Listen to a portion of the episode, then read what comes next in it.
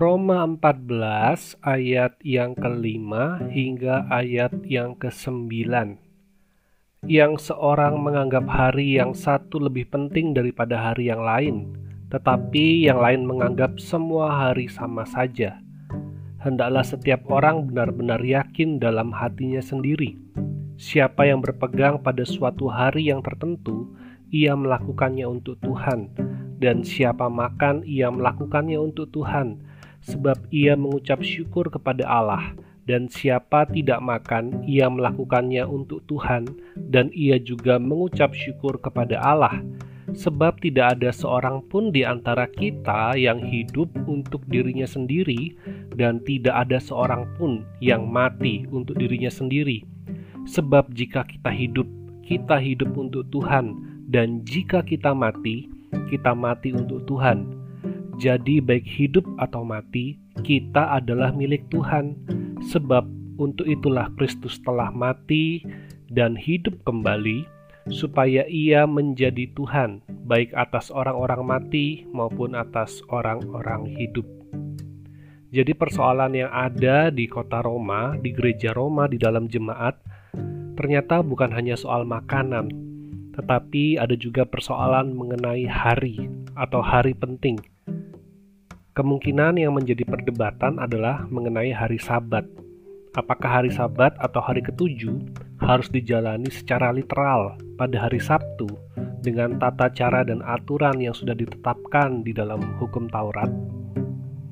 Bagaimana dengan pertemuan jemaat di hari Minggu, di mana orang-orang Kristen setelah kebangkitan Yesus mereka berkumpul setiap hari Minggu untuk mengingat dan merayakan memperingati akan kebangkitan Kristus yang juga dilakukan sampai hari ini.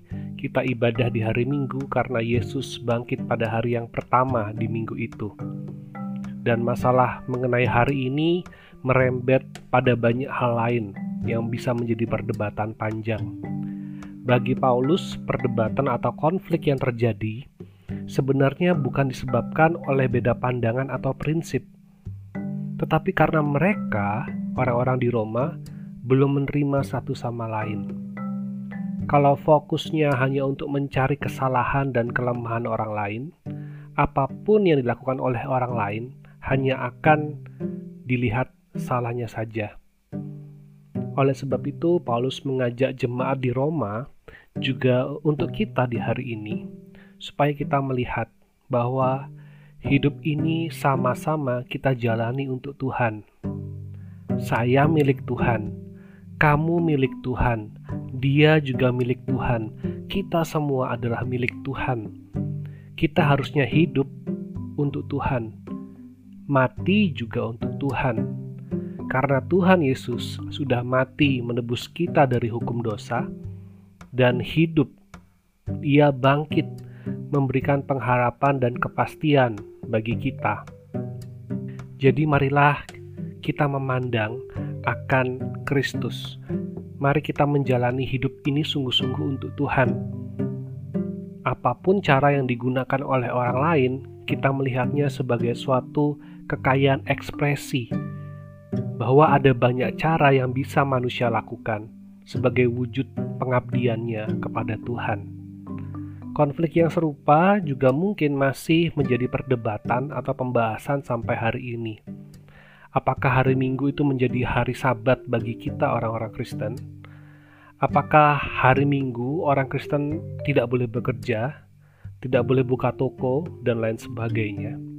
Kalau mau dijabarkan dan dijelaskan, akan ada banyak pandangan dan prinsip tentang Sabat yang bisa didiskusikan ada pro dan kontra yang bisa dibahas. Tetapi hidup itu bukan untuk menang dalam perdebatan dan merasa lebih hebat dari yang kalah berdebat. Paulus mengingatkan bahwa tujuan hidup kita seharusnya diarahkan pada Tuhan. Kalau sama-sama memandang Tuhan, di situlah kita akan menyadari sesungguhnya yang benar hanyalah Tuhan.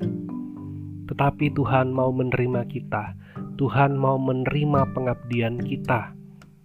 Tuhan mengindahkan kita yang tidak sempurna ini untuk boleh ambil bagian di dalam pelayanan.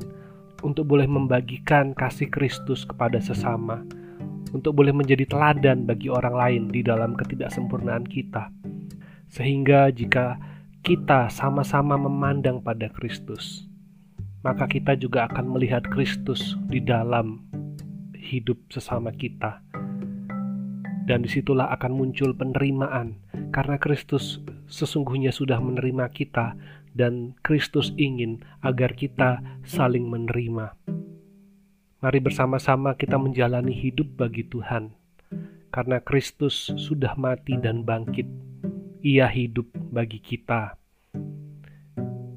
Biarlah anugerah keselamatan dari Tuhan Yesus Kristus yang menolong kita menjalani kehidupan ini, sehingga dengan pengertian dan pemahaman kita, kita boleh sungguh-sungguh menjalani hidup kita untuk Tuhan, bukan untuk menjadi standar bagi orang lain, tetapi menjadi satu persembahan pribadi kita kepada Tuhan.